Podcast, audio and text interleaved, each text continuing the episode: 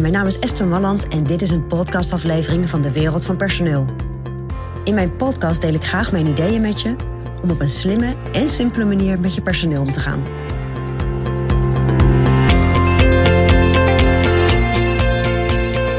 Als jij tegenover sollicitanten zegt, dan let je vaak op een aantal zaken. Je hebt natuurlijk je voorbereid, dus je let op werkervaring, op opleiding wellicht.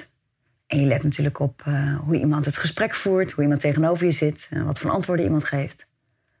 En je let op een stuk persoonlijkheid. Hè, wat doet iemand in zijn vrije tijd? Hoe komt iemand over? Maar er is één ding waar jij waarschijnlijk niet zo op let. En daar wil ik je toe uitdagen om dat, uh, om dat de volgende keer ook mee te nemen. En dat is wat voor energie straalt iemand uit. Dan denk je misschien, energie straalt iemand uit. Ja, ik wil eigenlijk altijd mensen die, die altijd actief zijn of die energie uitstralen. Maar dat is niet altijd wat je zoekt. Want het hangt heel erg af van het type functie binnen je bedrijf. Wat voor energie iemand mee moet brengen. Want ik kan me voorstellen dat als je iemand zoekt voor de verkoop. of iemand die uh, veel contact heeft met klanten. dat je dan iemand zoekt die veel energie uitstraalt. Uh, puntig is, uh, adrem is. Of, nou, dat kan heel erg goed passen bij je bedrijf en bij de functie. Maar tegelijkertijd zijn er ook functies binnen je bedrijf. zoals bijvoorbeeld op de, op de administratie.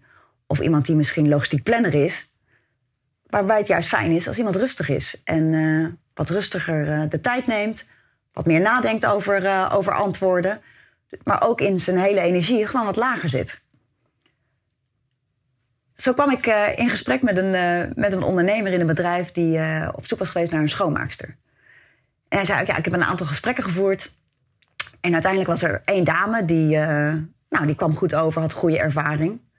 Maar tijdens dat gesprek was het toch iemand die een beetje, nou, een beetje rustig zat, een beetje, een beetje afwachtend was en eigenlijk wat laag in, uh, in de energie zat. Maar goed, omdat ze veel ervaring had, was een vriendelijke dame, een nette dame ook, heb ik haar wel aangenomen. Maar eigenlijk bleek al snel dat tijdens het schoonmaken deze mevrouw ook laag in de energie bleef zitten. En eigenlijk ook wat nadenkend en afwachtend was. En in hoeverre heeft energie natuurlijk nu een voorspelbare waarde voor hoe iemand gaat functioneren in een functie. Maar reken maar dat dat toch effect heeft. Dus probeer ook de volgende keer dat je met sollicitanten in gesprek bent, van tevoren eens te bedenken: wat voor type functie is het? Wat voor energie zou ik willen zien bij die persoon? En ga dan tijdens dat gesprek na of dat ook de energie is die je ziet. Kijk, en maak dan niet de fout dat natuurlijk een gesprek is maar één gesprek. Hè? Iemand kan zenuwachtig zijn. En misschien heb je daarna nog een keer een gesprek. Maar ga er toch eens even op letten. En kijk eens wat dat met jou doet. En wat je daaruit uh, uit zou kunnen halen. Want nogmaals, je wil niet allemaal mensen die op het puntje van een stoel zitten. En die hoog in de energie zitten. Dat is voor bepaalde functies en voor bepaalde bedrijven belangrijk. Maar misschien past het niet zozeer bij jouw bedrijf. En zeker niet bij de functie. En de functie is daar dan leidend in. Maar ga het eens na. De volgende keer dat je met een sollicitant zit. Hoe zit die persoon in zijn energie? En hoe past dat? Nou, dat is mijn persoonlijk advies vanuit de wereld van personeel.